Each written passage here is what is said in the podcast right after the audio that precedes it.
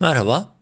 BIST dün gün içerisindeki geri çekilmeyle test ettiği 5150 seviyesinden tepki yaşadı. Kapanış 5428 seviyesine gerçekleşti. Endekste yakın destek bölgesi olarak değerlendirdiğimiz 5158 seviyesi civarından nispeten güçlü tepki yaşanmış durumda.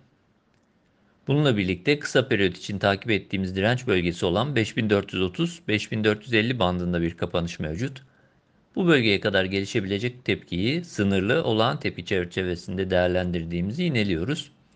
Bu bölge üzerinde kapanış durumunda ancak saatlik periyotta yeni bir olumlu teknik görünümünden bahsediyor olacağız.